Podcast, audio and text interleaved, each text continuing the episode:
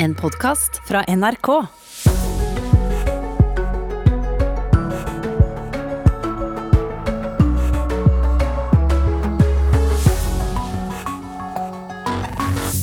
Klokka er eh, 6.30, og med det ønsker Nyhetsmorgen god morgen.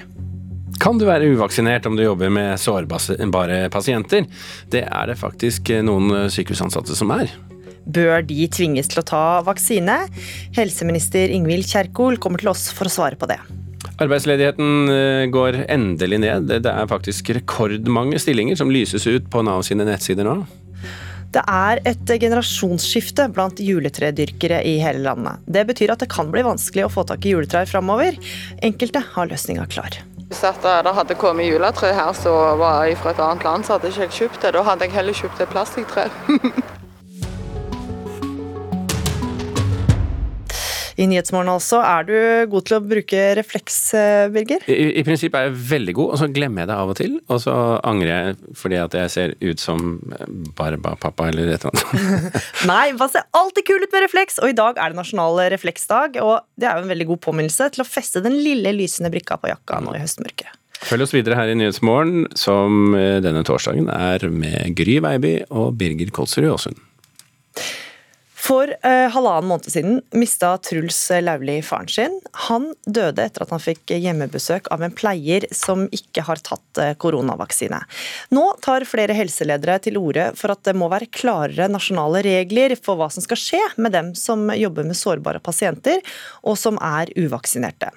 Andreas Stensvold, avdelingsleder for kreftavdelinga på Sykehuset Østfold, er en av dem som ber om svar. Myndighetene måtte være tydelige på at ja, de som ikke er vaksinerte, skal gå med beskyttelsestur overfor de sårbare gruppene. Og hvis ikke det er mulig eller at situasjonen er vanskelig, så er det omplassering som er neste steg. Og at man hadde gjort dette på nasjonalt nivå, slik at man hadde sluppet eh, det nitidige arbeidet man må gjøre nå på den enkelte enheten. Om det er kommune eller eh, på avdelingen på sykehusene. Leder i Sykepleierforbundet Lill Sverresdatter Larsen, god morgen. God morgen. Hva syns du om det du hørte her? Um, vi mener jo at vaksinering skal være frivillig. Eh, samtidig så er vi opptatt av pasientsikkerheten. Og arbeidsgiver har jo sånn som styringsrett allerede i dag, i form av at eh, hvis eh, ansatte ikke er vaksinert, eller hvis de er forkjølt eller et eller annet, så kan man omplassere dem til noe som er mindre pasientnært. Men da må du ha den oversikten over de ansatte sin vaksinestatus. Og det har du ikke et regelverk for, for, å, for å, gjøre da i dag. Mm. Det som gjøres, er jo at man kan spørre. Og hvis da den ansatte velger å ikke oppgi vaksinestatus, så må de jo da ta det som om at eh, den personen ikke er vaksinert. Men hvorfor vil ikke dere at Jeg sier ikke at dere ikke vil at uh, helsepersonell skal være um, vaksinert, men hvorfor setter dere ikke krav på det i forbundet? Vi mener jo at uh, regelverket på det er for diffust, og at regelverket bør klargjøres. For per nå så gjøres det såpass ulikt, og det skaper også en utrygghet uh, ute. Samtidig så har vi ikke sett på det som et stort problem for sykepleiere som sådan. For at vi har altså 97, Den siste undersøkelsen i august så er 97% av spesialsykepleiere vaksinert, og 93% av sykepleiere. Og det er jo høyere enn befolkninga for øvrig, altså på en status på befolkninga for øvrig.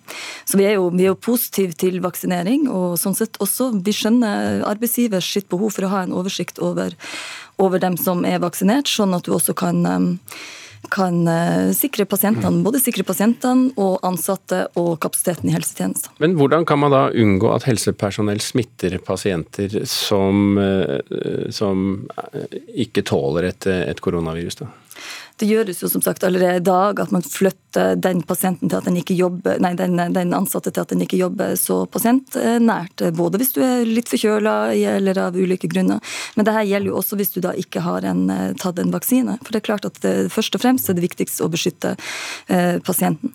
Mm, jo, men du er jo smittbar som, når du er forkjølt før du vet at du er forkjølt. Ja. Sånn er det jo ikke med vaksinespørsmålet. Nettopp, nei, og nettopp derfor er det jo eh, med, med, med, smittevernutstyr. Hvis det er sånn at du ikke er vaksinert, så skal du bruke smittevernutstyr fortsatt. Hvis du ikke er vaksinert. Men, men hva med små sykehjem der det ikke er eh, flere enn man trenger av ansatte?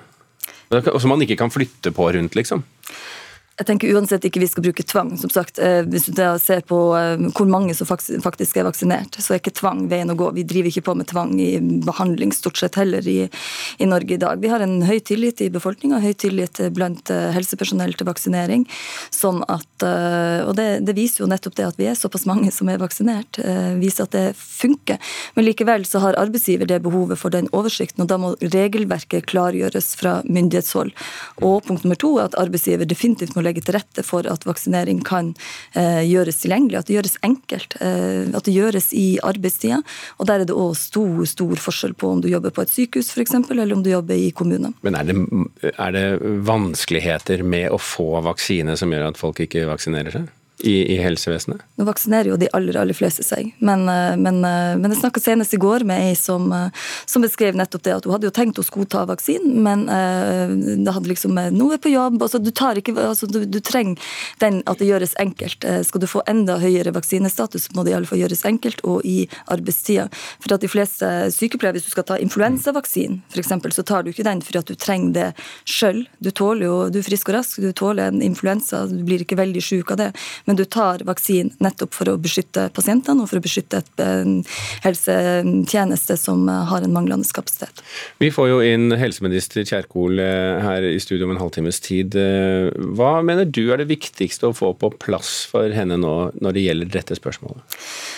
Klargjøre regelverket hva arbeidsgiver har uh, mulighet og lov til å spørre de ansatte om, men også ha en tydelig føring på at arbeidsgiver skal uh, legge til rette for og vaksinering, uh, også i arbeidstid. Og Det gjelder ikke bare en koronavaksine, uansett om det blir en boosterose eller hva som trengs, men også influensavaksinering, som vi har en lavere vaksinestatus på. Det, det vil løse mye av problemet? Klargjøre regelverk eh, og eh, sikre at det gjøres eh, enkelt og tilgjengelig.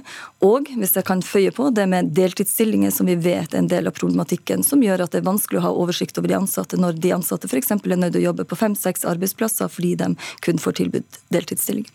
Lill Sverresdatter Larsen i Sykepleierforbundet, takk for at du var med i Nyhetsmorgen. Tusen takk. Du husker kanskje at noe av det siste Erna Solbergs regjering gjorde før de overlot eh, roret til Støre-regjeringa, var å legge fram forslag til statsbudsjett. I budsjettet fikk både bilister og mange andre kraftig økt CO2-avgift. Men oljenæringa fikk en langt mindre avgiftsøkning. Det er feil at oljenæringa skjermes, mener SVs eh, Lars Haltbrekken, som vil at dette endres når statsbudsjettet skal behandles i Stortinget seinere i høst. Hvis Norge skal nå sine klimamål, så er oljeselskapene nødt til å kutte betydelig mer enn det som høyreregjeringa la opp til i sitt budsjett. For mens Solberg-regjeringa foreslår en økning av CO2-avgifta på 28% for de aller fleste områdene, skjermes noen få sektorer, bl.a. for oljenæringa et avgiftshopp på 15% Og Det er helt uforståelig at eh, de skal slippe unna med en lavere økning i CO2-avgifta enn alle andre. Solberg-regjeringa ville øke CO2-avgifta gradvis opp til 2000 kroner per tonn innen 2030 for å nå Norges klimamål. Tidligere klima- og miljøminister Sveinung Rotevatn fra Venstre forklarer hvorfor oljenæringa fikk en mindre økning. Oljebransjen de betaler både nasjonal CO2-avgift, men de betaler også kvotepris i EU. og Den kvoteprisen har økt ganske dramatisk de siste året, slik at den samla karbonprisen for oljenæringa har gått veldig høyt opp. Da øker vi ikke CO2-avgifta så mye på dem, fordi målet er at de skal komme til 2000 kroner de også, men i løpet av dette tiåret. Tapte Venstre en kamp internt i regjeringa her? Nei, dette har vi jo varsla i klimaplanen som vi kom med eh, i vinter. Eh, der sa vi at vi skal øke CO2-avgifta raskt framover. Men hva som skjer med avgiftsforslagene i budsjettet er helt uvisst ettersom landet har fått en ny regjering. Finanskomiteens leder Eigil Knutsen fra Arbeiderpartiet vil ikke gå inn på substansen i saken nå. Arbeiderpartiet og Senterpartiet eh, sier jo i Hurdalsplattformen vår, som ligger til grunnlag for eh, politikken vår, at vi skal gradvis øke CO2-avgiften på sokkelen. Eh, og nøyaktig hvordan det kommer til å se ut i 2022 neste år, det skal vi komme tilbake med i denne, dette tilleggsnummeret som vi kommer med i løpet av november. Samtidig må Ap og Sp forhandle med SV for å få flertall for neste års budsjett. Hvor dyrt mener SV det må være for oljeselskapene å slippe ut CO2? Vi har foreslått at eh, det allerede i år skulle være en eh, CO2-avgift på 2000 kroner. Eh, men nå skal vi se tilleggsproposisjonen fra regjeringa, og så får vi komme tilbake til hvor stor prisen skal være for 2022. Hva er konsekvensen for de totale norske utslippene hvis oljebransjen ikke pålegges strengere krav? Da kommer vi ikke til å klare å nå våre internasjonale klimamål. Da kommer vi til å ligge langt unna og igjen bryte et eh, klimamål. Reporter i denne saken var Christian Skårdalsmo. og Akkurat denne saken debatteres i Politisk kvarter eh, på denne kanalen kvart på åtte. Så er det bare å fortsette å følge med. Et par-tre korte nyhetssaker til deg nå. Det er eh, for tiden stor etterspørsel etter arbeidskraft her i landet. Hittil i år så har Nav registrert 433 000 ledige stillinger. Det er 13 000 flere enn i hele 2019, altså før pandemien. Nå skal vi høre at Koronatrenden stiger igjen i Norge. Det siste døgnet er det registrert 657 koronasmittede i landet. Det er 258 flere enn eh, forrige onsdag. Og De siste sju dagene er det i snitt registrert 447 koronasmittede hver dag. Flere av medlemslandene i FNs sikkerhetsråd fordømmer nå Nord-Koreas missiloppskyting fra ubåter eh, på tirsdag, men Sikkerhetsrådet kom ikke med noen felles uttalelse etter nattens hastemøte, som ble holdt bak lukkede dører. Mandag blir kulturstreiken eh, trappa opp. Da vil til sammen 1100 ansatte ved teatre og kulturinstitusjoner være i streik. Og Det betyr at en rekke nye forestillinger må avlyses. Da partene LO Stat og Spekter gikk hver for seg eh, seint i går kveld, var de ikke kommet nærmere en løsning. Så skal vi til Haitis hovedstad, for der toppet problemet seg denne uken, da 17 misjonærer fra USA og Canada ble kidnappet av en av de gjengene som kontrollerer i hvert fall deler av eh, Port-au-Prince. Siden i sommer er Haiti plaget av jordskjelv, presidentdrap og vold. Motorsyklene durer gjennom de trange gatene i Delmar-distriktet i Port-au-Prince. Lukten av sterk mat fra fortauet svever i lufta. Kaoset av trafikken glir som ei velsmurt maurtue. Haitere kler seg pent, sjøl med dårlig råd. De er stolte av natur, men under det som kan virke som idyll, ligger en stor skepsis og en frykt for uro. Landet lider av store problemer. Siden jordskjelvet i 2010 har spesielt hovedstaden vært veldig kaotisk. Uorganisert nødhjelp kom raskt til den karibiske øya Hispaniola, som de deler med Den dominikanske republikk. Men etter flere år med intern krangling, korrupsjon og FN-soldater som trakk seg ut i 2018, hadde det vært mer uro enn på lenge. President Jovenel Moive ble 7.7 plutselig drept av leiemordere, og Haiti ble satt i brann. En måned senere raserte et jordskjelv den sørlige delen av landet. Over 2000 er så langt bekrefta drept og i det siste har de farlige gjengene i Port-au-Prince gjennomtatt en vold. Paul Rochelle sier han er lei av gjengene som styrer store deler av hovedstaden. 18 amerikanske og canadiske misjonærer, flere av dem unger, ble søndag kidnappa da de kom fra et barnehjem øst i byen. Det er uvanlig at de tar utlendinger, for nå er FBI kobla inn. Det gjør at presset på myndighetene, som ikke har kontroll på volden, har økt. Haitere har te til gatene og demonstrerer. 400 Mavoso er navnet på gjengen som nå krever 1 million dollar for de 17 som er gjemt en eller annen plass nord i byen. De vil òg forsørge seg på sin måte. Vanligvis så kidnapper de vanlige haitere. Amerikanske medier har på nytt sett av søkelyset mot landet som ble okkupert av USA i nesten 20 år i mellomkrigstida. Haiterne på gata mener USA står bak mye av problemene i landet. De sier de vil ha hjelp, men på deres egne premiss. Statsminister og midlertidig president Ariel Henry sparka valglederne i landet i september. Han mener de ble plukka ut personlig av tidligere president Moise, som er nå anklaga for korrupsjon. Nå er valget av president utsatt på ubestemt tid.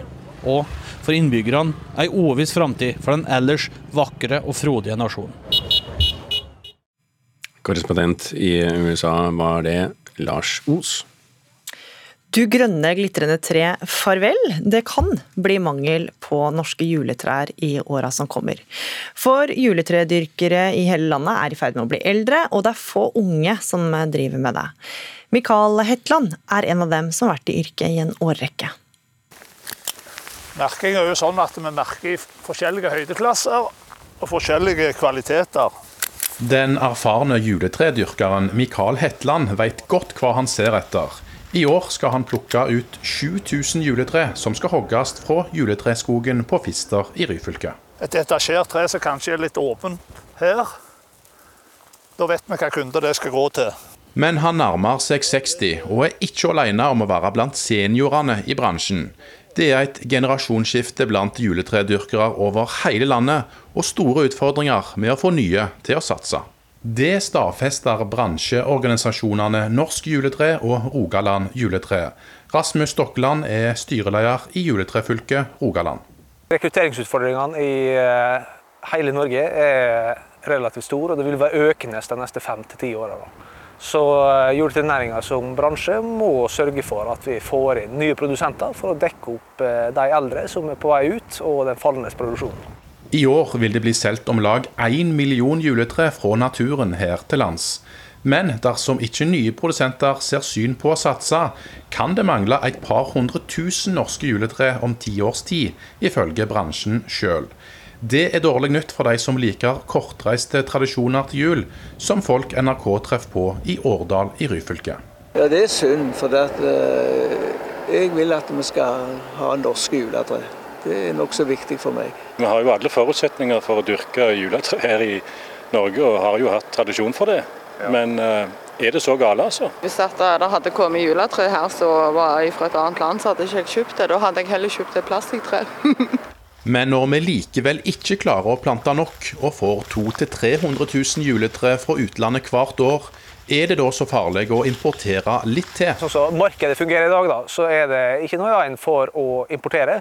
Men da går vi over på det som tilhører bærekraft, lokal tilhørighet. For det ser vi, og det er viktig blant eh, kundesegmentet som du møter i dag, at det er lokalt. Og Da kan du jo se til fjelledelgrana, som, eh, som du står i, som er jo et utelukkende norsk produkt, som du ikke får produsert i andre deler av verden. Nå blir det jobba for å rekruttere nye juletreprodusenter. Bl.a. gjennom et undervisningsopplegg for naturbrukslinjer i den videregående skolen. I Rogaland har bransjen fått med fylkeskommunen. Her er rekrutteringsbudsjettet på 1,5 millioner kroner, og målet er spesielt å få folk i landbruket til å plante juletre.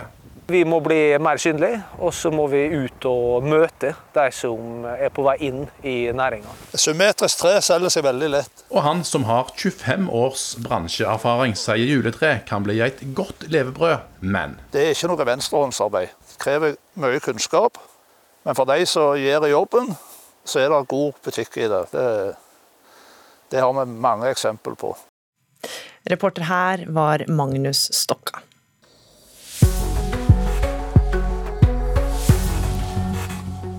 Helsemyndighetene må gi kommunene tydeligere beskjed om hva som skal skje med uvaksinerte helsearbeidere. Ja, Det krever flere ledere ved norske kreftavdelinger, som får støtte av Sykepleierforbundet. 2,8 milliarder kroner. Det er prislappen på det nye Munch-museet, som åpner offisielt i morgen. Men noen har allerede sluppet det innenfor dørene. Ser ut som hvilket som helst kjøpesenter, mener en kritiker vi har snakket med. Og endelig går arbeidsløsheten ned. Rekordmange stillinger lyses ut på Nav sine nettsider. I kveld så tar Bodø-Glimt imot storklubben Roma til gruppespillkamp i Serieligaen. Aspmyra stadion er eh, selvfølgelig utsolgt og stemningen ganske spent i Bodø før klubbens kanskje største kamp på hjemmebane noensinne. Men værmeldingen melder om ruskete vær med snø så sent som i natt. Så Roma-manager José Mourinho han håper at laget hans holder seg skadefrie, i det minste i det nordnorske været. You know, it is what it is. Uh, you know, football is football. Football is uh, is is a winter sport too. I'm not saying I'm not saying this kind of of winter, but it's a winter sport. José Mourinho fikk pressekorpset til å smile da han prata om fotball som vintersport på pressekonferanser før storkampen på Aspmyra i kveld. Det siste døgnet så har det kommet nedbør i form av snø og sludd, det har vært vind opp mot stiv kuling, og det har vært ned mot null grader i Bodø. Der kan òg møte laget ute på kunstgraset i kveld. I, I somebody to leave the comfort of their houses tomorrow and to come to this stadium is because they love football. So we must give them what they we must give them what they love. So we, we have to play in these in these conditions. is more difficult for us than for Bodo boys. That's clear.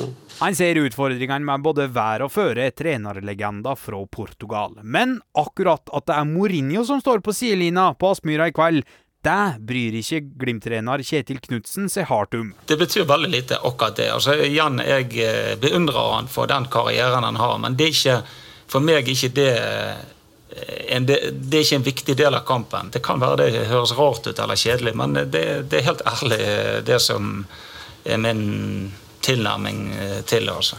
Mourinho har store planer om å tenke mye på at det er Kjetil Knutsen som står ved sida av han i kveld. Det vites ikke.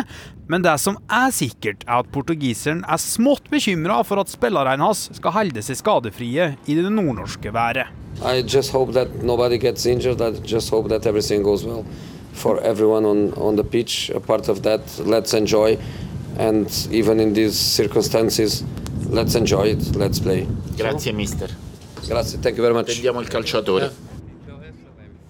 Ja, da kan jeg se på Yr her at eh, det ser ut til å bli eh, ikke minusgrader, ikke nedbør, men eh, det blåser litt, så det blir, det blir, greie forhold å spille under. Og den kampen, hvis du ikke har anledning til å se den på TV på en, en eller annen kanal som sender den, så kan du høre på NRK Sport, radiokanalen fra klokka halv sju i kveld. Reporter her, det var Hans Solbakken. Og da skal det handle om det nye Munch-museet. Sjelløst, kjedelig og billig er beskrivelser museet får av kritikerne. Museet åpner nemlig dørene for publikum i morgen, men noen inviterte gjester har allerede fått se Oslos nye attraksjon fra innsida. Og det vekker både begeistring og skuffelse.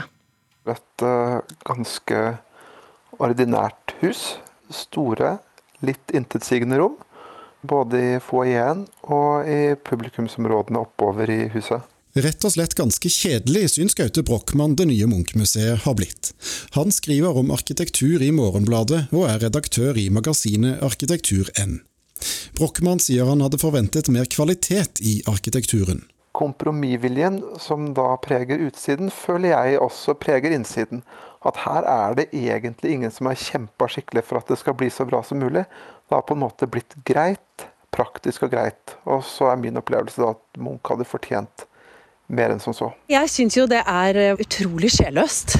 NRKs kunstkritiker Mona Palle Bjerke er også skuffet etter å ha sett det ferdige museet. Jeg hadde håpet at den eh, litt sånn industrielle, eh, kalde følelsen som eksteriøret gir, at det skulle være helt annerledes å komme inn. Og at det ville bli en liksom, formildende ting. At åh, her er det i hvert fall vakkert. Men det er jo veldig mye av den samme sånn ugjestmilde følelsen. Man har disse perforerte mm, aluminiumsplatene som dekker uh, rulletrappene under. Arkitekten bak museet, Juan Herreros, tror publikum vil få et nytt syn på bygget når de kommer inn og får se byen gjennom de gjennomhullede platene. I invite them to come in and to go up and to discover all this landscape drawn like watercolors pixelized through the small holes of the aluminum plates and, and understand that the city, thanks to this building, th thanks to that view, is a kind of piece of art. Opplevelsen av byen fra innsiden blir nærmest som et kunstverk i seg selv, sier arkitekten. Egentlig så er det utrolig høytidelig det å gå inn i en kunstinstitusjon som dette. Vår aller største kunstner gjennom alle tider. Og så er det liksom, ser ut som du går inn i et uh, hvilket som helst kjøpesenter. Erling Dock Holm deler Mona Palle Bjerkes observasjon, men ikke konklusjon. Han forsker på arkitektur og byutvikling ved Norges miljø- og biovitenskapelige universitet. Foajeen er utrolig enkel. Altså, det er virkelig et sted uten noen form for ornamentikk eller eh, pompøse detaljer. Men den er der rett og slett for at du som besøkende ikke skal føle noen ærefrykt. Arkitekturforskeren har selv vært skeptisk til museets plassering i byrommet, men det han nå har sett gjør ham begeistret. Det er et ekstremt gjennomarbeidet eh, utstillingskonsept. og Arkitekturen er der for å fremme Munchs eh, bilder, og der de største bildene til Munch eh, utstilles, der er f.eks. takhøyden mye større, slik at du ikke får denne fornemmelsen av at bildene er for store for eh, sitt utstillingslokale. Direktøren ved Munch-museet, Stein Olav Henriksen, var forberedt på kritikk. Diskusjonen ønsker han velkommen. Det er veldig mye engasjement rundt alt som har med Edvard Munch å gjøre, også dette nye bygget med sin arkitektur og beliggenhet osv. Eh, men det er et monumentalt eh, bygg som er også ganske brutalt. Og det er et bygg som du må ta stilling til, akkurat som du måtte med Edvard Munch og hans kunst. Så det kler egentlig samlingen, syns jeg. Og vi kunne ikke bygget et pent bygg for Edvard Munch. Nå er kanskje ikke pent et arkitektonisk begrep heller, men eh, jeg syns at det står seg veldig godt til det formålet dette huset er bygget for. Reporter her var Thomas Alverstein Ove.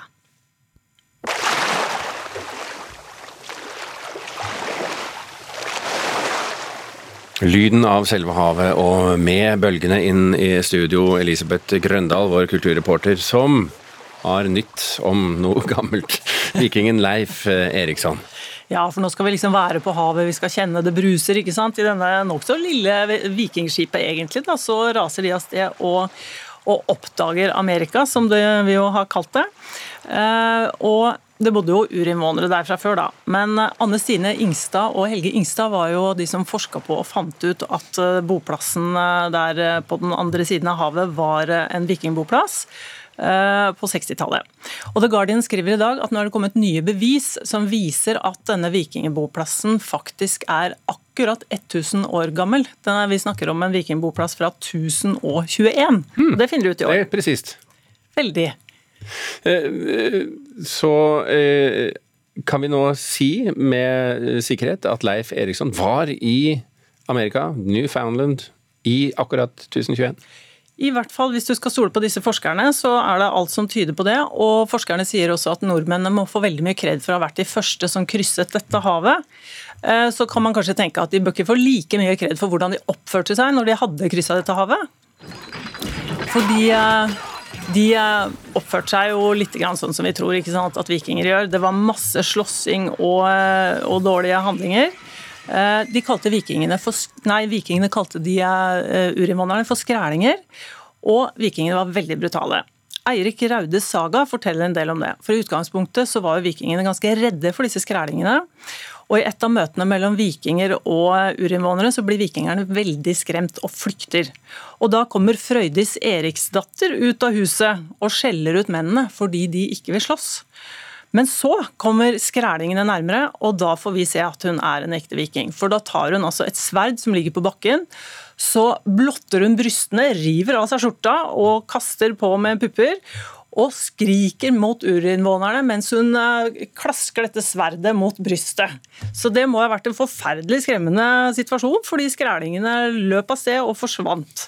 Så her finner vi da en eh, litt sånn innovativ og ny måte å bruke pupper på, som kan være kanskje inspirasjon for noen, eller kanskje ikke. Eller kanskje ikke. Elisabeth, takk skal du ha. Da skal vi ha et lite sceneskifte til nyere tid, for USAs tidligere president Donald Trump varsler planer om å lansere et nytt sosialt nettverk. Ja, det gikk jo ikke sånn veldig bra forrige gang han forsøkte på det. Det ble vel mest oppfattet som en slags eh, hjemmeside. Hva er det som er nytt denne gangen? Ja, Det gjenstår litt å se, da. Men det vi veit ut fra kunngjøringa i natt, er at Trumps nye sosiale medium skal kalles Truth Social. Men vi veit ikke helt hvordan det skal funke i praksis. Om det blir litt sånn Facebook-aktig eller ikke. Da vet vi vel kanskje ikke om det er åpent for eh, alle, da, eller hvordan det skal røktes for den saks skyld? Nei, så langt vet vi bare at det nye sosiale medier ventes å åpne til betatesting i november for personer da, som har fått spesiell invitasjon til å delta. Mm. For de som da har hatt et slags selvpålagt eh, fravær fra både tradisjonelle og sosiale medier eh, de siste årene, forklar, hvorfor gjør han dette? Ja, Trump har jo blitt kasta ut av en rekke sosiale medier, inkludert Facebook, og ikke minst hans favoritt Twitter.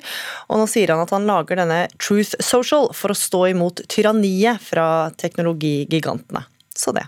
Det blir spennende å se. Det blir spennende. Det blir åpning eh, altså i løpet av året for enkelte, så får vi se om det sprer seg som ild i tørt gress. Hvem vet, kanskje vi gjør det. Det er eh, snart Dagsnytt her i Nyhetsmorgen.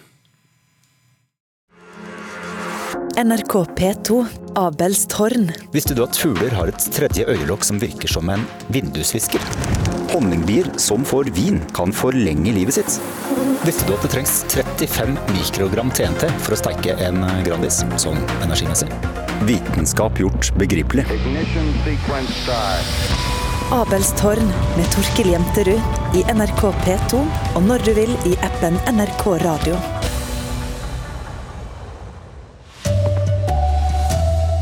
Her er NRK Dagsnytt klokka sju.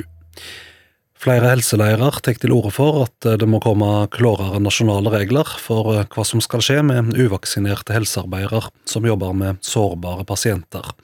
I dag må alle norske sykehjemmer og kommunale heimetjenester sjølve finne ut om de har grunnlag i arbeidsmiljølova til å kunne spørre om den ansatte er koronavaksinert.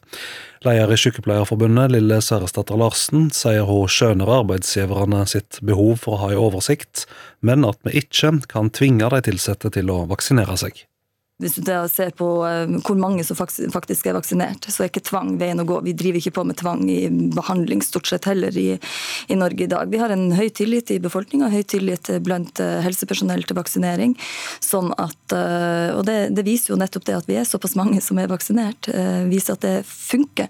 Men likevel så har arbeidsgiver det behovet for den oversikten, og da må regelverket klargjøres fra myndighetshold.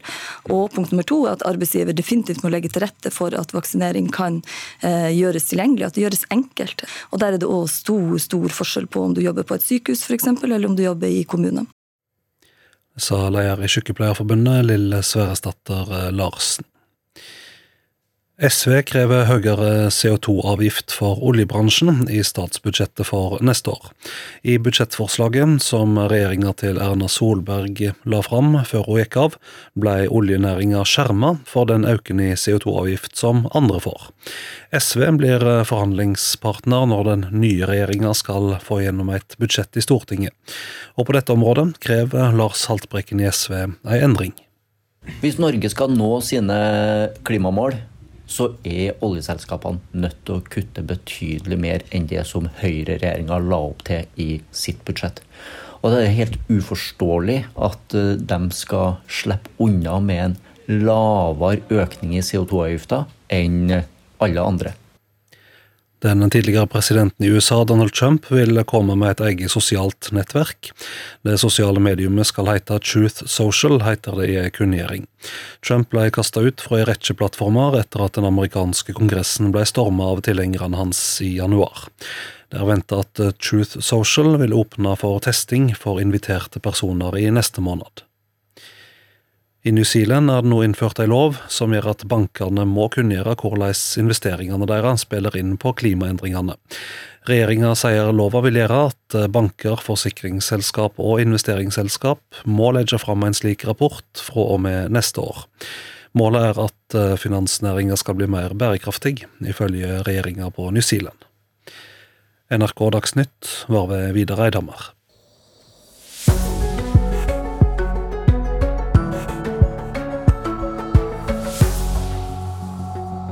Hvordan skal helseinstitusjoner håndtere helsearbeidere som ikke vil ta vaksine?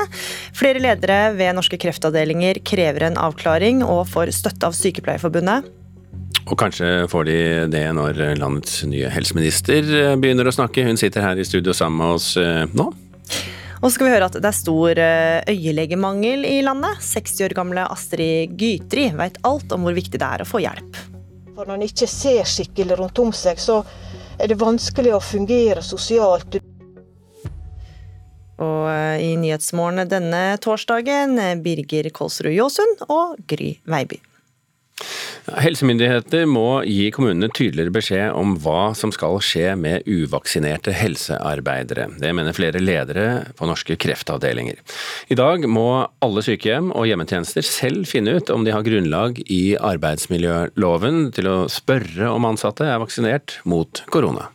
Det er ingen menneskerett å jobbe med de mest sårbare pasientene i en pandemi. Sier kreftlege og avdelingsleder for kreftavdelingen på Sykehuset Østfold, Andreas Stensvold. Myndighetene måtte være tydelige på at ja, de som ikke er vaksinerte skal gå med beskyttelsestur overfor de sårbare gruppene. Og hvis ikke det er mulig eller at situasjonen er vanskelig, så er det omplassering som er neste steg. Og at man hadde gjort dette på nasjonalt nivå, slik at man hadde sluppet det nitidige arbeidet man må gjøre nå på den enkelte enheten. I går fortalte NRK om bestefaren til Truls Lauvlid i Modum. 98-åringen klarte seg bra hjemme sammen med kona.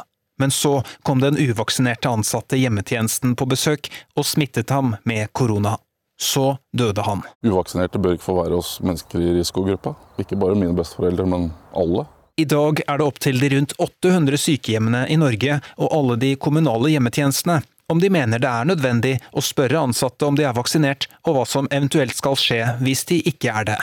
Arbeidsmiljøloven krever at dette må være en lokal vurdering hos hver enkelt arbeidsgiver, forklarer Monica Skjem i Arbeidstilsynet. Det må være knytta til den enkelte arbeidsplassen. Hvis man har 50 sykehjem i en kommune, så kan man ikke gjøre en risikovurdering som på en måte skal gjelde for alle. Arbeidsplassene er ulike, lell om man yter samme type tjenester. Og det er det vi har gjort. Eh, vi har funnet lokale løsninger. Vi har vært i drøftingsmøter. Vi har nå eh, fått på plass gode rutiner i forhold til dette. Men eh, for å tenke effektivt vi, må, vi, er 356 kommuner i Norge. Det er mange avdelinger rundt omkring med samme problemstilling som vi har stått i. Da burde man hatt nasjonale føringer, etter min mening. Vi er i en veldig spesiell situasjon. Vi har hatt en pandemi eh, som er eh, Viruset er ordentlig dødelig, det vet vi jo alle sammen. Vi har vært heldige i Norge. Og da må vi jo se på hvordan skal vi bruke ressursene våre på en smartere måte, samtidig som vi kan ivareta ansattes rettsvern, for det er det egentlig det det går på. Og det kunne man gjort eh, nasjonalt. Leder for kreftklinikken ved OUS, Sigbjørn Smeland, sier det er svært viktig å identifisere pasienter som er sårbare, og ønsker seg tydeligere retningslinjer og tiltak for uvaksinerte som jobber med slike pasienter. For å unngå smitterisiko mot pasientene. Og Reportere her var Haldor Asvald og Pål Wergeland. Helse- og omsorgsminister Ingvild Kjerkol, gratulerer med ny jobb. Takk for det. Og velkommen til Nyhetsmorgen. Hvor bekymra er du for at flere pasienter kan bli smitta av uvaksinerte ansatte på sykehjem eller sykehus? I stort så tror jeg kommunene gjør en eh, god jobb med det her. Eh, de har gjort en eh, veldig stor innsats gjennom pandemien. Men på generelt grunnlag så bør alle, alt helsepersonell bør vaksinere seg i kontakt med pasienter, sånn at det ikke er dem som skal hjelpe pasienten som utsetter dem for smitte. Men, men spørsmålet var hvor bekymra du er for at, at folk kan bli smitta? Når man hører denne type saker som blir referert, så, så skjønner jeg jo at uh, dette oppleves vanskelig. Jeg har ikke en stor generell bekymring for det her, for vi vet at uh, helsepersonell også ønsker å vaksinere seg. De har en høyere Eh, vaksinasjonsgrad enn befolkningen for øvrig. Men det her er ting vi må følge med, og derfor kommer det også til å gå ut et brev fra Helsedirektoratet i dag med retningslinjer, eller ikke retningslinjer, men veiledning og råd for hvordan man skal følge de reglene som gjelder overfor ansatte. Mm. Også, men det er jo allerede regler i dag, eh, og vi hører jo her, ikke sant, kreftlegen her sier at reglene er for utydelige. Sykehusene må selv finne fram i loven. Er det godt nok? Det kommer som sagt et brev i dag. Og det vil tydeliggjøre dette her? Ja, det vil tydeliggjøre det handlingsrommet og hvordan man skal gjøre det, og råd og veiledning knytta til de enkelte situasjonene som kan oppstå. Sant? Hva skal man gjøre, når kan man omplassere, og, og skal de ansatte som ikke er vaksinert, eh, kan de bruke smittevernutstyr? Alle store og små spørsmål som man eh, tar og vurderer lokalt, kommer det en god, eh, en god rådgivning på. Så det vil fortsatt være lokal vurdering for hver arbeidsplass? Eh, ja, det sier loven. Det hørte vi jo også fra Arbeidstilsynet. Men her får man råd og veiledning. Men jeg vil jo også si at selv om det går ut et brev i dag, så har det her vært eh, tatt opp gjennom hele pandemien, etter hvert som vaksinasjonen begynte å ta fart, med våre underliggende etater, altså Helsedirektoratet og FHI. Eh, og man har prøvd å, å rådgi kommunene sånn at det her går smidig, og at det finnes noen sentrale føringer her, sånn som det ble etterlyst fra Stenvold på mm. innslaget. Men fortsatt lokal vurdering for hver arbeidsplass. Men hvorfor ikke hatt mer nasjonale føringer? At sånn her er det, dere kan ikke vike fra det? Vi har jo Arbeidstilsynets bestemmelser, og så har vi en sterk oppfordring til å vaksinere seg. Helsepersonell ønsker å vaksinere seg. Spørsmålet om vaksiner skal være frivillig eller eh, obligatorisk, det er også et spørsmål som har mer eh, vidtrekkende eh, elementer ved seg. Vi tror det er bra at dette er tillitsbasert, og at man gjør det. Og vi opplever også at helsepersonell ønsker å gjøre det. Vi opplever at Sykepleierforbundet oppfordrer sine medlemmer til det. Legeforeningen oppfordrer sine medlemmer til det. Og vi ser også at helsepersonell har en høyere vaksinasjonsgrad enn befolkningen for øvrig. Men allikevel så er det noen som velger å ikke vaksinere seg? Ja, og det syns jeg er sterkt beklagelig. Man bør vaksinere seg, og hvis man ikke gjør det av en eller annen grunn, det er jo også noen som ikke kan vaksinere seg, så må arbeidsgiver omplassere dem, sånn at de ikke er i kontakt med pasienter og utsetter dem for fare. Og Det vil det brevet som sendes ut i dag, og tidligere dialog med FHI og HDIR, der er det en del hjelpemidler, råd og veiledning som gjør at det her eh, glir bedre. Men, men, vil det da, etter dette brevet som sendes ut, vil det ikke da være så stor grad preget av skjønn som flere her mener? Da vil det bli tydeligere regler fra myndighetene, som de etterlyser? Ja, jeg vil jo si at det er jo klare regler i dag. Du skal ikke ha pasientkontakt hvis du utsetter pasientene for smitte. Men så vet vi jo også at vaksinerte kan også ha med seg smitte. Så vi har jo fortsatt ingen garantier for at man blir smitta fra helsepersonell, også selv om man vaksinerer seg. Og så har jeg lyst til å si at det er også viktig at helsepersonell vaksinerer seg for influensavaksinen og alle de andre vaksinene som anbefales fra myndighetene når vi nå er på vei ut av denne covid-pandemien, så er det fortsatt eh, fare for at eldre kan bli syke av andre infeksjonssykdommer. Mm. Det siste døgnet er det registrert 657 koronasmittede i Norge. Det er 258 flere enn forrige onsdag. og Smittetrenden er altså stigende. Er det grunn til bekymring? Nå ser vi jo litt mer på innlagte på sykehus, andre parameter, og der er situasjonen den at man har god kontroll. Litt økning i Nord-Norge, og der har de beredskap for det. Men utover det så håper vi jo at vi får en nedadgående trend når, det, når vi snakker om eh, innleggelser og det som gir oss grunn til å være bekymra. Så det, det, har vært positivt. Før jul så vil trolig EMA, det europeiske legemiddelverket, ta stilling til om 5-11-åringer skal få koronavaksine. Hvis de sier ja til det, hva sier du til det? Da skal vi ta den beslutningen når eh, den kommer. Eh, sånn har vi gjort det med alle nye grupper som har fått eh, godkjente vaksiner. Så den beslutningen tar vi når våre fagmyndigheter har fått sett på det. Mm, men du tar ikke noe stilling til om det er lurt eller ikke? Nei, det, Da hadde dere jo fått en fantastisk nyhet av en stor, ny statsråd, og det får dere dessverre ikke. Ja. Ingvild Kjerkol, helse- og omsorgsminister, takk for at du var med i Nyhetsmorgen. Takk for at jeg fikk komme.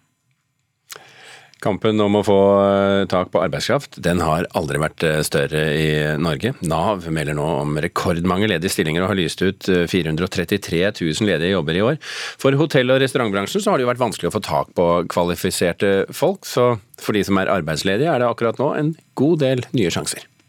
Det er et rekordår i antall ledige stillinger. Vi ser veldig tydelig at når eh, koronatiltakene avvikles, så kommer f.eks. Eh, hotell og restaurant, eh, bygg og anlegg, varehandelen, altså typiske bransjer som i hvert fall noen av dem har hatt det ganske tøft under korona. De kommer nå tilbake for fullt. Nav-direktør Hans Christian Holte jubler for utviklingen. Samtidig peker han på at det fremdeles er flere uten jobb nå enn før pandemien. Det er eh, stadig færre som er eh, arbeidsledige, som er arbeidssøkere og arbeidsledige. Men det er fortsatt et ganske høyt eh, volum. Så er kanskje én utfordring for uh, den enkelte som søker arbeid, om man har den riktige kompetansen. Kanskje er det nå en mismatch mellom den kompetansen man har, og de jobbene som er ledige. Direktør for Thon hotell Morten Thorvaldsen er glad for omsider å være tilbake for fullt. Men han opplever det utfordrende å fylle de ledige stillingene. Vi som eh, bransje trenger en del utenlandsk arbeidskraft, kokker og servitører, eh, som nå uteblir. og det er jo En av grunnene er jo selvfølgelig at det har vært vanskelig å komme inn til Norge. Og den andre grunnen er jo det at det er også stor arbeidsetterspørsel i Europa for øvrig. Og det gjør igjen at det er vanskelig å få folk til å komme tilbake til Norge. Thorvaldsen mener det ultimate er en sammensetning av utenlandske og norske arbeidere, men at det per nå mangler norske søkere med relevant kompetanse. Vi i reiselivsnæringen trenger å få opp anseelsen av det å jobbe i bransjen vår, så det jobber vi med. Det har vært ja, lite med kompetanse når det gjelder kokker, servitører og, og uh, også resepsjonister. Vi trenger utenlandsk arbeidskraft for å utvikle oss, men jeg håper jo da også at vi får uh, nordmenn inn i arbeidet igjen. Reporter her, det var uh, Ingrid Heier Jorstad. Klokka er blitt kvart over sju, og du hører på eller ser på Nyhetsmorgen her i NRK. Blant de viktigste sakene våre så langt er at helsemyndigheter nå lover tydeligere føringer om hvordan håndtere uvaksinerte helsearbeidere. Sender ut informasjon i dag. Polen står på agendaen før EU-toppmøtet som starter i Brussel i dag. Fins det i det hele tatt noen måte å løse denne konflikten på, spør vi. Det polske grunnlovstribunalet har bestemt at polsk lov skal ha forrang over EUs direktiver, og det liker jo EU ganske dårlig. Og så bruk refleks. Hadde det kommet bil opp eller ned den gata jeg skulle inn på, så hadde de kjørt rett på den. Ann Mari i Rauma var millimeter unna å kjøre på en syklist nylig. Hva som skjedde skal du få høre hos oss litt seinere i sendinga. Har du trøbbel med øynene, så må du ikke bare smøre deg med tålmodighet, du må også smøre deg med saltvann. For i flere år har det vært mangel på øyeleger i landet, og det er få nyutdanna leger som spesialiserer seg til det. Og det kan bli problematisk for flere, særlig eldre. Hei, hei! 60 år gamle Astrid Gytri er på vei inn til konsultasjon hos øyelegen på Førde sentralsykehus. Gytry har gått til øyelege siden hun var tenåring, men har til tider blitt stående lenge i ventekø for å få behandling for de synsproblemer hun har hatt. Dette med å få vente lenge på å få en avklaring av hva som er bakgrunnen for at den synet begynner å svekkes, det er veldig frustrerende. Årsaken til ventekøene er den store mangelen på øyeleger.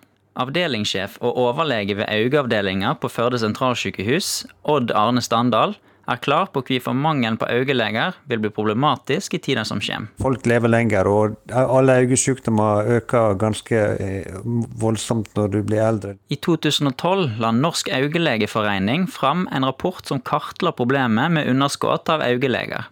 I rapporten kom det fram at eldrebølga vil kreve 76% flere konsultasjoner i 2030. Dette er en vekst som Standal hevder vil kreve langt flere nyutdanna øyeleger i tida framover. Jeg føler at ingen tar ansvar for på en måte nasjonalt og ser på hvor mye kapasitet trenger framover. Dette har resultert i at ventekøene kan variere helt fra ti uker til to år forskjellige steder i landet. Kristen Realfsen, leder i Norsk augelegeforening, peker på at ulike behov for behandling gjør at flere går uten hjelp. Det er en god del som burde vært undersøkt, ja. Det, det er jeg ikke i tvil om. Reporter her, det var Erlend Skorpetveit Aga. Medlemmer av FNs sikkerhetsråd kom med fordømmelser og en mer skjerpa tone mot Nord-Korea. Det var et hastemøte bak lukkede dører i natt etter tirsdagens missiloppskyting. Det kom ingen felles uttalelse, men USA er blant dem som begynner å bli utålmodige. We should not look at this most recent launch in isolation. It is the latest in a series of reckless provocations. En trend USA ikke liker. Bidens FN-ambassadør Linda Thomas Greenfield kaller det hensynsløse provokasjoner som bryter flere av FNs mange vedtak om Nord-Korea. And they. Nordkoreansk fjernsyn bekrefter den åttende missiloppskytingen i år. En ny rekord fra regimet. Også Norge fordømmer oppskytingen av et ballistisk missil, fordi det er brudd på en 15 år gammel sikkerhetsrådsresolusjon. NRK er kjent med at diplomatene her i New York frykter at Kim Jong-un blir i stand til å utvikle mobile taktiske atomvåpen, nye våpensystemer som er mer presise og samtidig vanskeligere å skyte ned. Each new advancement of the DPRK's weapons of mass destruction and ballistic missile programs destabilizes the region and threatens international peace and security. USA holder døra åpen for nye møter med Nord-Korea. Ikke noe har skjedd på to år, men i mellomtida vil vetomakten ha strengere håndheving av sanksjonsregimet. Det er Norge som leder sanksjonskomiteen for Nord-Korea i FN. Etter det NRK kjenner til, blir det ingen ekstraordinære møter i denne komiteen, men det kan bli aktuelt å forfølge brudd på straffetiltak og bruke hardere ord for å få medlemsland til å følge det som er vedtatt. I kvartalsrapporten offentliggjort forrige uke ble f.eks. Kina anklaget for å bryte FNs forbud mot å kjøpe kull fra Nord-Korea.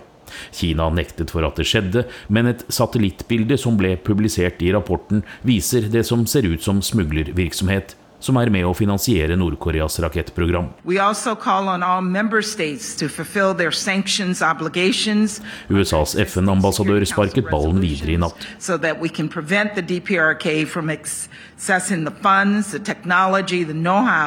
Anders Tvegård, New York. CO2-avgiften skal opp, men oljebransjen de er skjermet for store deler av avgiftshoppet, som vi har hørt eh, tidligere i Nyhetsmorgen. Håvard Grønli, programleder i Politisk kvarter. Her, det høres ut som det ligger en debatt her? Definitivt. Dette forslaget som du snakker om, det ligger i eh, det budsjettforslaget som Solberg-regjeringa la fram eh, før de gikk av. Og nå bestemmer jo for så vidt ikke de lenger, og um, hva den nye regjeringa vil med dette forslaget, det vet vi ikke enda. Men det som er høgst eh, relevant, er at SV, som vi har hørt, eh, mener at eh, dette forslaget er dårlig. Og SV kommer jo til å forhandle om statsbudsjett med den nye regjeringa.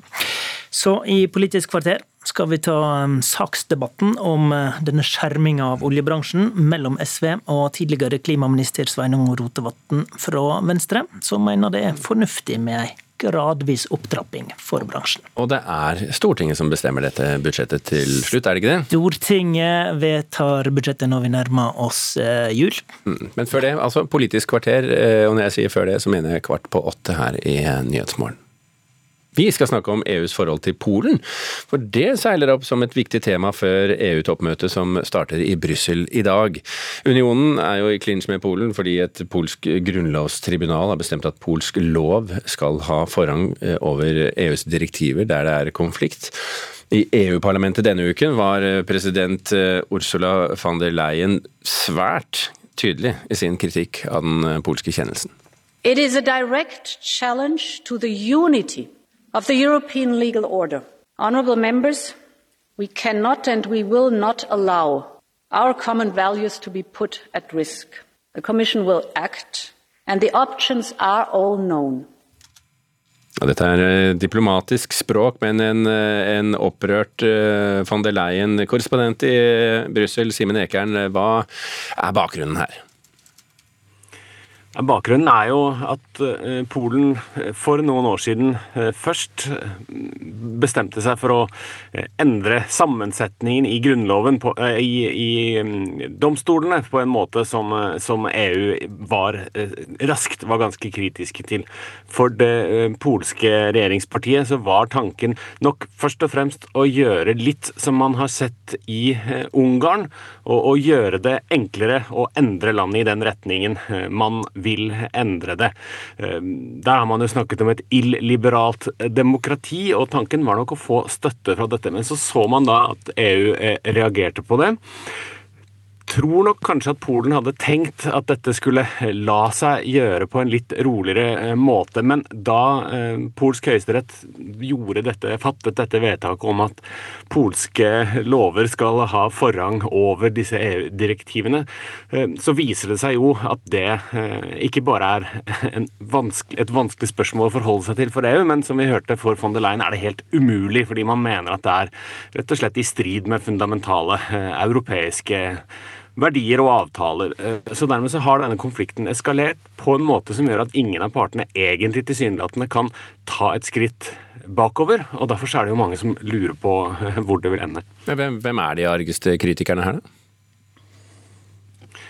Kritikerne av Polen er nesten alle EU-parlamentarikerne. Det er representantene for EU-institusjonene og også de aller fleste eh, statslederne i EU. Nå er det noen opposisjonspolitikere i Frankrike f.eks. som har begynt å se på muligheten for at dette kanskje kunne være interessant for Frankrike også. Dette er jo i bunn og grunn en sånn diskusjon om i hvor stor grad nasjonalstatene skal bestemme på egen hånd, i hvor stor grad EU skal være noe som alle må være enige om. Men, men, dette handler jo om spilleregler, mener et flertall i EU. Det er sånn, mener man da, at det ikke går an å starte et spill og så endre de reglene underveis, hvis Polen skal kunne si ja eller nei til enhver avtale som man har kommet eh, til, enighet eh, om. Så, så, så, så, dermed eh, bruker Ursula von der Leyen så sterke ord. Hun mener faktisk at dette handler om EUs e framtid. For hvis det skal bli mulig å gjøre det som Polen gjør, utfordre de, det felles regelverket på den måten, så, så, er man redd for at det ikke blir noe særlig regelverk igjen. og Derfor så advarer en del nå om at selv om kanskje polsk myndighet egentlig ikke hadde planlagt det, så kan dette ende i en slags brexit-lignende situasjon, da man plutselig eh, har endret eh, eh, hele Europa uten at man kanskje egentlig hadde tenkt at det var sånn det skulle bli. Men hvilke sanksjonsmidler har egentlig EU overfor Polen, da?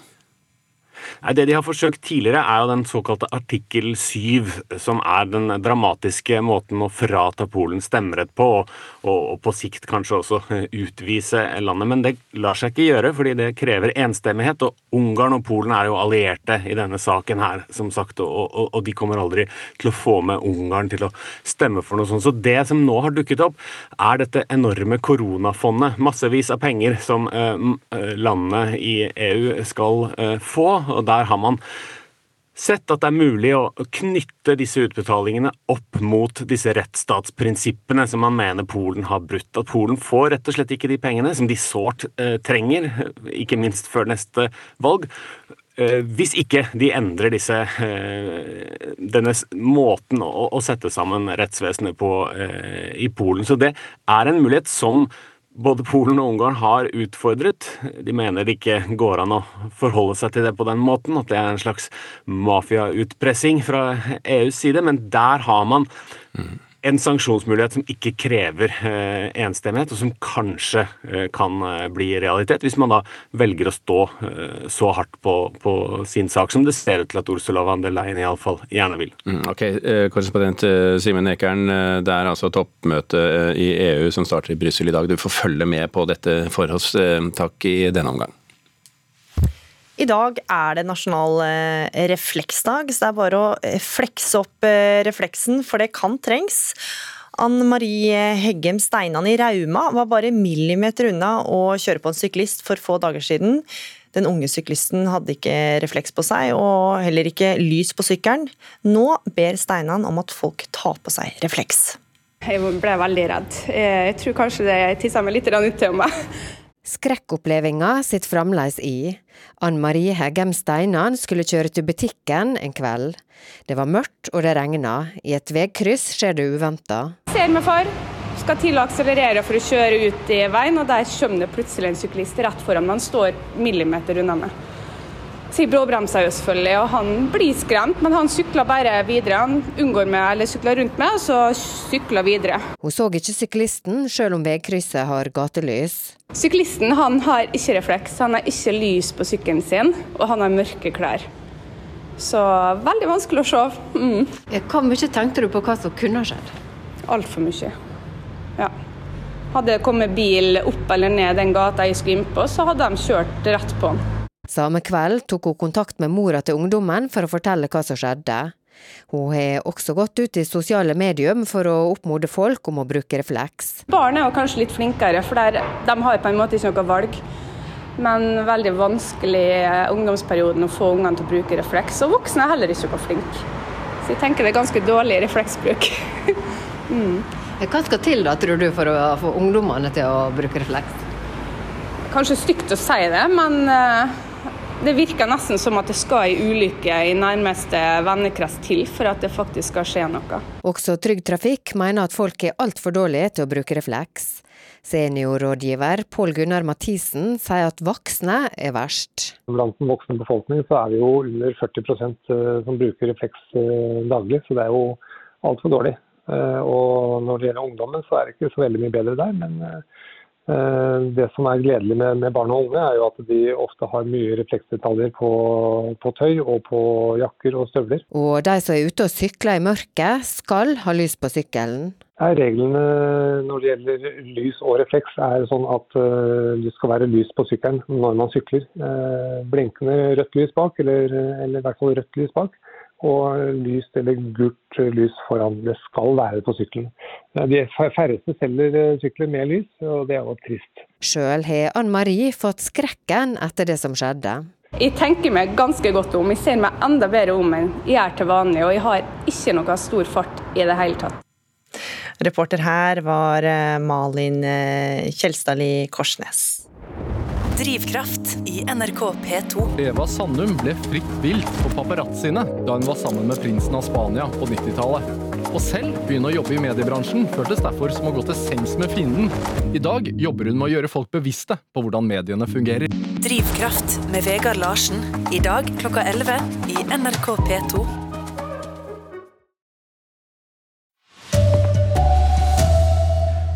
Kommunene må få klarere beskjed fra helsestyresmaktene om hvordan de skal håndtere uvaksinerte helsearbeidere, mener krefteksperter.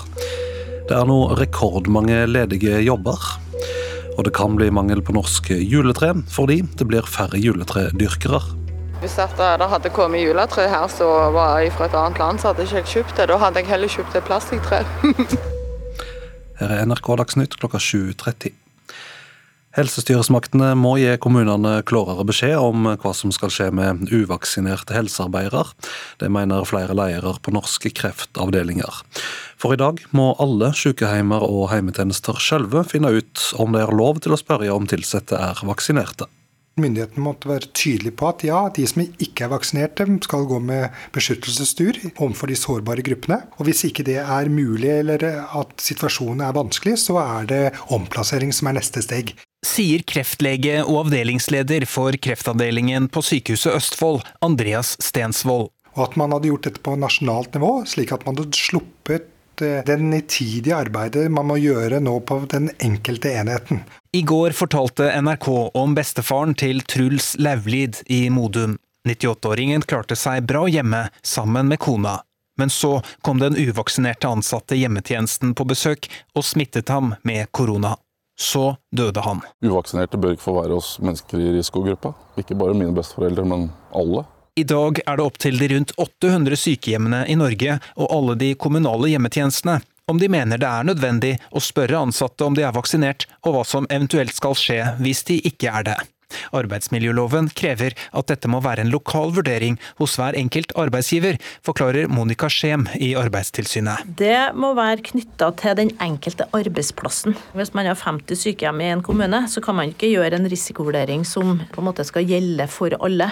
Arbeidsplassene er ulike, lell om man yter samme type tjenester. Leder for kreftklinikken ved OUS, Sigbjørn Smeland, sier det er svært viktig å identifisere pasienter som er sårbare, og ønsker seg tydeligere retningslinjer og tiltak for uvaksinerte som jobber med slike pasienter. For å unngå smitterisiko mot pasientene. Reporter Haldor Asvald og Pål Wergeland. Helse- og omsorgsminister Ingvild Kjerkol, god morgen. God morgen. Vil eh, regjeringa se på om det er mulig å klorere disse reglene, slik vi hører fagfolk spørre etter? Ja, Vi har retningslinjer for å beskytte eldre og sårbare eh, mot eh, smitte. Og helsepersonell bør og skal vaksinere seg. I dag så vil Helsedirektoratet sende ut en informasjon som klargjør disse retningslinjene, sånn at man kan gjøre gode vurderinger lokalt. Så det blir enklere for kommunene fra i dag å vurdere dette? Det håper vi, at det skal være en informasjon som hjelper dem. Men jevnt over vil jeg også si at kommunene har håndtert dette godt. Og det er beklagelig å, å høre om denne type historier. Men vi har jo nå hørt at gamle folk har dødd etter å ha blitt smitta av uvaksinerte helsearbeidere. Hva mener du veier tyngst, livet til gamle folk eller retten til å bestemme vaksinering sjøl? Jeg mener at det er bra at vaksinasjon er frivillig, men at helsepersonell som jobber med eldre og sårbare, må og bør være vaksinert. Hvis ikke må de jobbe med andre ting. En annen sak eh, nett nå er at smittetrenden er stigende i Norge, og over halvparten av de som nå blir innlagt, eh, er vaksinerte. Hva sier du til denne utviklingen? Etter hvert som eh, vaksinegraden går opp, så vil jo også andelen som er smitta selv om de er vaksinert, stige. Eh, det vi ser på er jo flere parameter. Det er jo antall intensivplasser, antall innlagte. Og foreløpig er det ikke grunn til bekymring. Dette er ting som blir overvåka veldig nøye, eh, og vi har god kontroll på pandemien, og vi håper at det fortsetter sånn. Så selv om det har vært en liten økning innlagt i det siste, så blir det ikke aktuelt å innføre nye tiltak med det første? Nei. Takk, helse- og omsorgsminister Ingvild Kjerkol. Kan jeg også ta med at I India er det nå sett over en milliard koronavaksinedoser. Det bor kring 1,3 milliarder i landet, og kring 30% av de er nå fullvaksinerte, opplyser regjeringa i India. Også Europa har passert 1 milliard doser, ifølge tall fra Verdens helseorganisasjon. Det er stor etterspørsel etter arbeidskraft eh, nå. Til nå i år har Nav registrert 433 000 ledige stillinger. 13 000 flere enn i hele 2019, altså før pandemien. For hotellbransjen er det en utfordring å få tak på kvalifiserte arbeidere, men for de som skal få ned tallet på arbeidsledige, er de mange jobbutlysningene en god nyhet. Det er et rekordår i antall ledige stillinger. Nav-direktør Hans Christian Holte jubler for utviklingen. Vi ser veldig tydelig at når eh, koronatiltakene avvikles, så kommer f.eks. Eh, hotell og restaurant, eh, bygg og anlegg, varehandelen, altså typiske bransjer som i hvert fall noen av dem har hatt det ganske tøft under korona, de kommer nå tilbake for fullt. Samtidig peker han på at det fremdeles er flere uten jobb nå enn før pandemien. Det er eh, stadig færre som er eh, arbeidsledige, men det er fortsatt et ganske høyt eh, volum. Så er kanskje én utfordring for eh, den enkelte som søker arbeid, om man har den riktige kompetansen. Direktør for Thon hotell Morten Thorvaldsen er glad for omsider å være tilbake for fullt, men han opplever det utfordrende å fylle de ledige stillingene. Vi i reiselivsnæringen trenger å få opp uh, anseelsen av det å jobbe i bransjen vår, så det jobber vi med. Det har vært uh, ja, lite med kompetanse når det gjelder kokker, servitører og, og uh, også resepsjonister. Vi trenger utenlandsk arbeidskraft, men jeg håper jo da også at vi får uh, nordmenn inn i arbeid igjen. Reporter Ingrid Heier Jorstad. Medlemmer av Tryggingsrådet i FN fordømmer og kommer i skarpere tone mot Nord-Korea. Det var et hastemøte i rådet i natt, etter at Nord-Korea skjøt opp en rakett denne veka.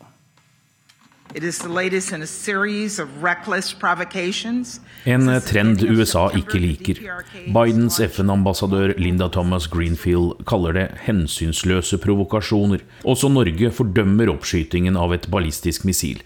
NRK er kjent med at diplomatene her i New York frykter at Kim Jong-un blir i stand til å utvikle mobile taktiske atomvåpen, nye våpensystemer som er mer presise og samtidig vanskeligere å skyte ned. USA holder døra åpen for nye møter med Nord-Korea. Ikke noe har skjedd på to år, men i mellomtida vil vetomakten ha strengere håndheving av sanksjonsregimet. Det er Norge som leder sanksjonskomiteen for Nord-Korea i FN. Etter det NRK kjenner til, blir det ingen ekstraordinære møter i denne komiteen, men det kan bli aktuelt å forfølge brudd på straffetiltak og bruke hardere ord for å få medlemsland til å følge det som er vedtatt. Anders Tvegård, New York. Det kan bli mangel på norske juletre i åra som kommer. Årsaken er et generasjonsskifte blant juletredyrkere. Mikael Hetland har dyrka juletre i mange år. Merking er jo sånn at vi merker i forskjellige høydeklasser og forskjellige kvaliteter. Den erfarne juletredyrkeren Mikael Hetland vet godt hva han ser etter. I år skal han plukke ut 7000 juletre som skal hogges fra juletreskogen på Fister i Ryfylke. Men han nærmer seg 60, og er ikke alene om å være blant seniorene i bransjen. Det er et generasjonsskifte blant juletredyrkere over hele landet, og store utfordringer med å få nye til å satse. Det stadfester bransjeorganisasjonene Norsk juletre og Rogaland juletre. Rasmus Stokkeland er styreleder i juletrefylket Rogaland. Så jordbruksnæringa som bransje må sørge for at vi får inn nye produsenter for å dekke opp eh, de eldre som er på vei ut, og den fallende produksjonen. I år vil det bli solgt om lag én million juletre fra naturen her til lands. Men dersom ikke nye produsenter ser syn på å satse, kan det mangle et par hundre tusen norske juletre om ti års tid, ifølge bransjen sjøl. Det er dårlig nytt for de som liker kortreiste tradisjoner til jul, som folk NRK treffer på i Årdal i Ryfylke. Ja, Det er synd, for det at, uh, jeg vil at vi skal ha norske juletre. Det er nokså viktig for meg. Vi har jo alle forutsetninger for å dyrke juletre her i Norge, og har jo hatt tradisjon for det. Men uh, er det så gale, altså? Hvis det hadde kommet juletre her som var fra et annet land, så hadde jeg ikke kjøpt det. Da hadde jeg heller kjøpt et plastikktre. Reporter Magnus Stokka.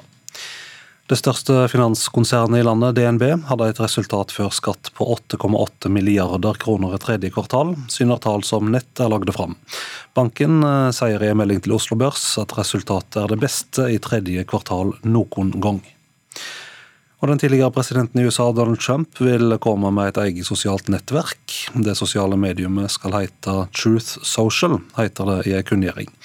Trump ble kasta ut fra en rekke plattformer etter at den amerikanske kongressen ble storma av tilhengerne hans i, januar. Ansvarlig for denne sendinga var Anne Skårseth, og i studio Vidar Eidhammer.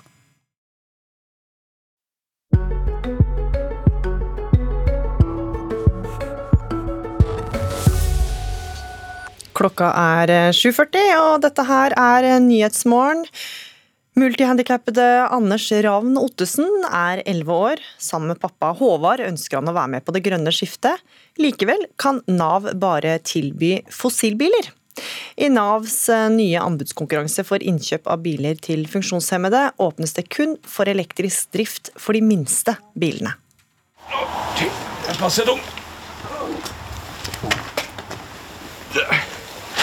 Der var du på plass. Tunge løft for pappa Håvard Ravn Ottesen. Du får stoppe deg fast òg, da. Når 11 år gamle Anders skal på tur. I påvente av en ny spesialtilpassa bil bruker familien en SUV med spesialseter, eller taxi for funksjonshemma. Anders han eh, sitter i rullestol, har en utviklingshemming og kan ikke gå. Så han trenger en bil som er tilpassa han, og den må være såpass tilpassa at han kan få med seg sin elektriske rullestol. Dere har hatt en sånn bil over flere år, eh, og den har sett sine siste dager. Den eh, forrige bilen vi hadde, den eh, har blitt kondemnert fordi den rett og slett ble preget av alderen. Ja, Anders. Der, og så var den på. Elektrifiseringa av bilparken har en rivende utvikling. Men om man skal få støtte til spesialtilpassa bil fra Nav, er man avhengig av å kjøpe modeller som er godkjent innenfor en anbudsordning. Her er det så langt ingen godkjente elbiler. Utfordringen til Anders i dag er at når han får en ny bil, så blir det en dieselbil. Den blir med manuelt gir. Og det betyr at han ikke får ta del i det grønne skiftet. Det betyr at han får en bil som blir værende i hans eiendom eller til hans bruk i elleve år. Da er han voksen.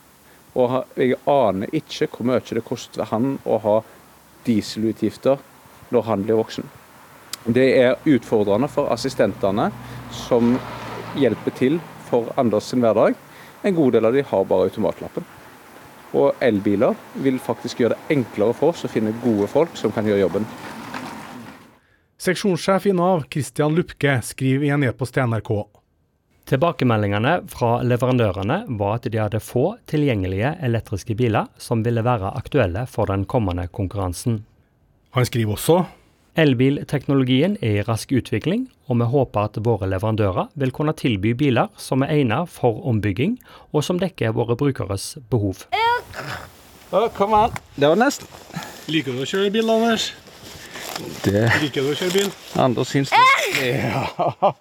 Dette handler om å følge med i timen. Eh, anbudet ble sendt ut i senhøsten 2020. Nå er vi 2021. Det er snart slutten av et år. Det har skjedd enormt mye det året som har vært.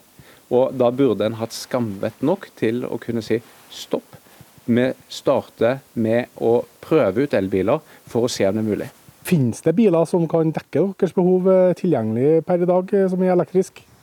I dag finnes det en god del elbiler som er kassabiler for passasjerer, som er mulig å tilpasse. For oss er det viktig å få en eh, bil som er funksjonell for Anders. I dag står vi med en bil som er gammel og uhensiktsmessig. Eh, for oss er det viktig at den er elektrisk, for den skal vare såpass lenge at eh, jeg tør ikke tenke eh, hvor krevende det vil være om elleve år å ha rene dieselbiler. Staten skal egentlig ha elbilanskaffelser for alle biler, og da burde det også gjelde for personer som har funksjonsnedsettelse. Hva du tror Ser du fram til å få en ny bil, eller?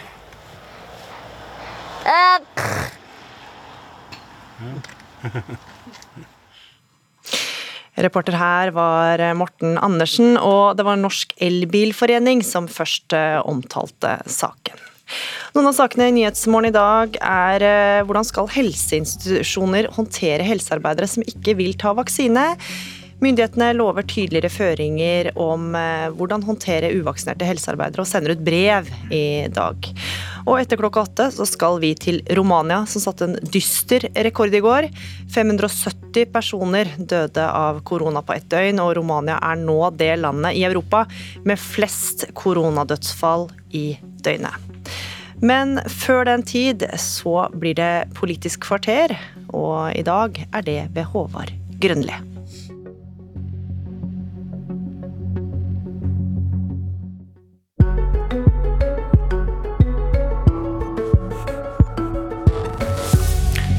CO2-avgiftene skal opp. Det sier både avgående og påtroppende regjering. Men skal oljebransjen være skjerma for det drygeste avgiftshoppet? For eh, om du har hørt Nyhetsmorgen tidligere i dag, så har du hørt at det er nettopp slik det er. CO2-avgifta det er avgift på produkt som bensin og diesel, naturgass og fyringsolje. Og oljenæringa betaler samme avgifta for de store CO2-utslippene de har fra gasskraftverka ute på oljeplattformene, de som gir kraft til å hente opp olja. I budsjettforslaget fra Erna Solbergs avgående regjering øker CO2-avgifta generelt med om lag 30% men for oljebransjen er økningen bare det halve. Det har fått SV til å riste på hodet. Og hvorfor reagerer du slik på det, Lars Haltbrekken? Hvis vi skal klare å unngå en alvorlig klimakrise og kutte våre utslipp og nå våre internasjonale klimamål, så er det ikke noe tvil om at eh, de som forurenser mest, også er nødt til å ta de største utslippskuttene. Og I Norge så er det oljeselskapene som eh, forurenser mest. De har hatt eh, en voldsom vekst i utslippene de siste 30 årene. Og da er det helt urimelig, mener vi, å la oljeselskapene slippe unna med en lavere økning i CO2-avgiften enn eh, alle andre. Sveinung Rotevatn, tidligere klima- og miljøminister for Venstre. Hvorfor er dette gjort slik i det siste forslaget til statsbudsjett fra de utgående regjering? Fordi vi har noe som heter det europeiske kvotemarkedet for CO2. Og Det høres jo veldig kjedelig og teknisk ut, og det er det for så vidt, men det er også veldig viktig. Så jeg må få lov til å forklare det. Vi har ei norsk CO2-avgift som vi har på utslipp. Den betaler de som kjøper bensin og diesel, den betaler oljebransjen. Men så er det noen av de største utslippsaktørene i Norge, f.eks. olje, men også luftfart, de betaler i tillegg en europeisk CO2-pris. Den kommer på toppen. Da vi skrev klimaplanen vår i vinter, så var den europeiske CO2-prisen på ca. 300 kroner tonnet. Nå er den på ca. 600 kroner tonnet. Det dette betyr i sum, er at det er ikke slik at olje- og gassnæringa betaler lavere CO2-pris enn andre. De betaler mye høyere CO2-pris enn andre. Og det er ikke slik at de har en lavere auke i CO2-prisen. De får en dramatisk mye høyere auke i CO2-prisen. Så egentlig er hele premisset for denne debatten her feil. Totalutgiftene går opp, sier Rotevatn, pga. kvotepriser. Da er det vel det samme, Haltbrekken. Hva kostnaden ved utslipp heter, så lenge den stiger, og gir bransjen motivasjon til å kutte utslipp? Nei, og det er jo helt riktig at de er ilagt eh, også en eh, CO2-kvotepris, men hvis du ser i det grå statsbudsjettet som Høyre og Venstre la fram for noen uker siden, så ser du helt tydelig at det man har tenkt å gjøre overfor oljeselskapene, langt fra er nok til å få de kuttene i utslippene i oljebransjen som det Eh, også Stortinget har vedtatt. I forbindelse med den famøse oljeskattepakken som eh, stortingsflertallet dessverre vedtok i fjor sommer, hvor man ga store skattelettelser til oljeselskapene, eh, så sa man også at utslippene fra oljeselskapene skulle halveres innen 2030. Og Hvis du leser det framlagte statsbudsjettet, så ser du at vi ligger svært langt fra å nå det målet. Altså er vi nødt til å ta tøffere grep for å få utslippene ned eh, fra eh, oljeselskapene. Og da mm. er det helt urimelig å ha en lavere økning i CO2-avgiften der enn det du har eh, andre plasser. Jeg skjønner vi skal utfordre Rotevatn på det.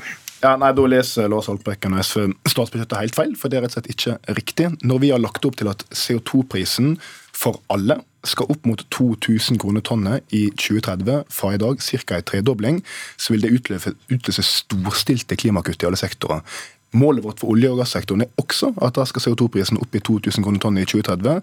Men som jeg sa i stad, vi ser det i sammenheng også med den europeiske CO2-prisen, slik at du i sum kommer dit. Det vil utløse store klimakutt. Det vil kunne gjøre at vi får halvert utslippene fra sokkelen. Men måten det må skje på, det er jo at du må elektrifisere. Det er jo sånn du kutter de utslippene. Og det vil bli utløst når CO2-prisen nå stiger. Og den stiger mer for olje- og gassnæringa enn for alle andre. Men, men, men, men Rotevatn, har Haltbrekken um, tar han feil da, hvis han tror det vil bli kutta mer utslipp med eh, enda mer avgiftsøkning til oljebransjen?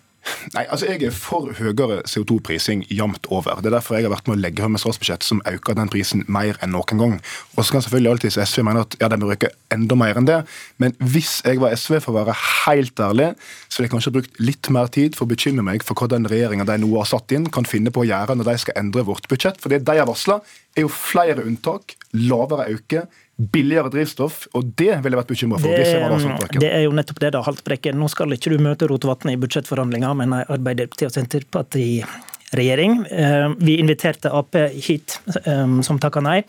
Og det er ennå ikke kjent hva holdninga deres til det vi diskuterer nå er, men uh, dette har finanspolitisk talsmann Eigil Knutsen i Arbeiderpartiet sagt til oss. Arbeiderpartiet og Senterpartiet eh, sier jo i Hurdalsplattformen vår, som ligger til grunnlag for eh, politikken vår, at vi skal gradvis øke CO2-avgiften på sokkelen. Eh, og nøyaktig hvordan det kommer til å se ut i 2022 neste år, det skal vi komme tilbake med i denne, dette tilleggsnummeret som vi kommer med i løpet av november. Så egentlig ikke noe avklaring fra Ap, men hva forventer du fra en ny regjering da, Haltbrekken? Jeg forventer at uh, vi gjennomfører tiltak som uh, innebærer langt større utslippskutt enn det som uh, Høyre og Venstre la fram i sitt statsbudsjett. Og tallenes tale i det statsbudsjettet er veldig klar. målet er Jo, nei, men dette er viktig. Målet er å halvere utslippene fra oljeselskapene innen 2030. Vi ligger langt ifra det. Det viser de prognosene som eh, Rotevatn var med og la fram. Da er vi nødt til å sette i verk tøffere tiltak imot dem som forurenser aller mest, og som også har best råd. I en budsjettforhandling, hvor viktig er dette poenget som vi diskuterer nå? Det som er viktig for oss, er å få til store utslippskutt. Det er det som eh, vi kommer til å jobbe for, for at Norge skal nå sine internasjonale klimamål, for at vi skal ta klimakrisen på alvor. Eh, og da er vi nødt til å gjøre en rekke tiltak.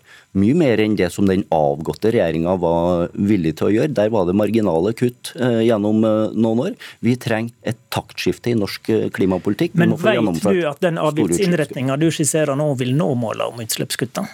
Vi vet at når du gjør det dyrere å forurense for eh, oljeselskapene, så vil det stimulere til, til, større utslippskutt. Eh, hvis man ikke ønsker det, vel, da får man komme opp med andre tiltak da, som gir minst like store uh, utslippskutt. For vi har uh, en klimakrise som vi er nødt til å håndtere, og vi har noen internasjonale klimamål som vi er nødt til å nå, og dem legger vi langt fra å nå i, med, dersom vi skal følge det statsbudsjettet som Høyre og Venstre la fram. Rotevatn, hvis Haltbrekken og SV prioriterer det vi snakker om nå i forhandling med ny regjering, er det uklokt av dem å prioritere slik? Hvis f.eks. SV prioriterer at eh, i tillegg til den rekordstore økende CO2-pris som oljenæringa nå får, at det skal øke enda mer, på bekostning av at Senterpartiet og Arbeiderpartiet får gjennomslag for billigere drivstoff f.eks., da mener jeg det vil være uklokt. Fordi det vil ikke føre til noe lavere klimagassutslipp. Når vi må gjennomføre et stort skifte i transportsektoren, da trenger vi høye klimaavgifter. Det gjør vi også på sokkelen, men det er klart hva er poenget med at du skal ha de høye avgiftene på sokkelen? Jo, det er at du skal få ned utslippene. Hvordan få ned utslippene? Det er gjennom å elektrifisere og stenge ned disse gasskraftverkene. Og det, blir jo ikke enklere det av SVs holdning til det, som er at de er mot kraft fra land til disse installasjonene. slik at politikken må henge sammen. Jeg er for å kutte på sokkelen, men det henger ikke sammen med det SV sier. Bare for å svare på det. For at Vi ønsker å bruke elektrifisering av sokkelen som en motor til å utvikle havvind. Og Hvis vi nå øker CO2-avgiftene for oljeselskapene, så kan vi bruke noe av de pengene også til å finansiere flytende havvind på norsk sokkel. Det vil både kutte utslipp og det vil sørge for eh, arbeidsplasser langs kysten i eh, verftsindustrien. Et slags eh, Colombiegg, om du vil. Men det er jo avhengig av at vi da sikrer at vi får økte inntekter fra disse CO2-avgiftene, sånn at vi kan opprette et sånt fond. Det som var den forrige regjeringas svar på dette, var jo å la Enova og strømkundene betale for havvindsatsinga til bl.a. Equinor. Rotevatn, i trontaledebatten i Stortinget i går. Så utfordrer du mer generelt SV til å svare på hva de syns om Hurdalsplattformen fra eh, Arbeiderpartiet og Senterpartiet på miljøområdet. Hva konkret er det du vil vite? Jo, fordi I trontaledebatten i går så var jo SVs leder oppe på talerstolen og sa at han kjente stor glede over at vi nå har fått ny regjering. Eh, det synes jeg var interessant å høre på, i og med at SV ikke er en del av den regjeringa eller har skrevet plattformen. Eh, men da spurte jo jeg SV er det slik at SV mener at med den nye regjeringa sin klima- og miljøpolitikk og politisk plattform, at i sum har klima- og miljøpolitikken i Norge blitt bedre enn det den forrige regjeringa som jeg var en del av, førte. Og Grunnen til at jeg spør om det, er at når jeg leser plattformen til regjeringa på klimaområdet, utelukkende svekkelser, billigere drivstoff, billigere flyreiser, dyrere elbiler. Når du leser naturdelen av det, utelukkende svekkelser, mer jakt på utrydningstrua rovdyr, enklere å drive med en lemfeldig utbyggingspolitikk, grunneiere får vetorett mot vern. og Derfor spurte jeg er det her noe bedre for klima og miljø. Og vet du hva? Det svarte ikke SV på. Det nekter de å svare på, men de kan få muligheten nå. det skal de få. Jeg skal bare nevne at nå er utfordringa at nå sitter jeg her med to små partier, mens de to regjeringspartiene faktisk ikke er her, da. Ehm, så dette, denne skildringa får nå stå for Rotevatns regning, men hva er Lars Haltbrekken sitt svar, da? Jeg vil si at Hvis du sammenligner Granavolden med Hurdalsplattformen, så er det nyanser av eh, grått vi snakker om. Det er to grå plattformer.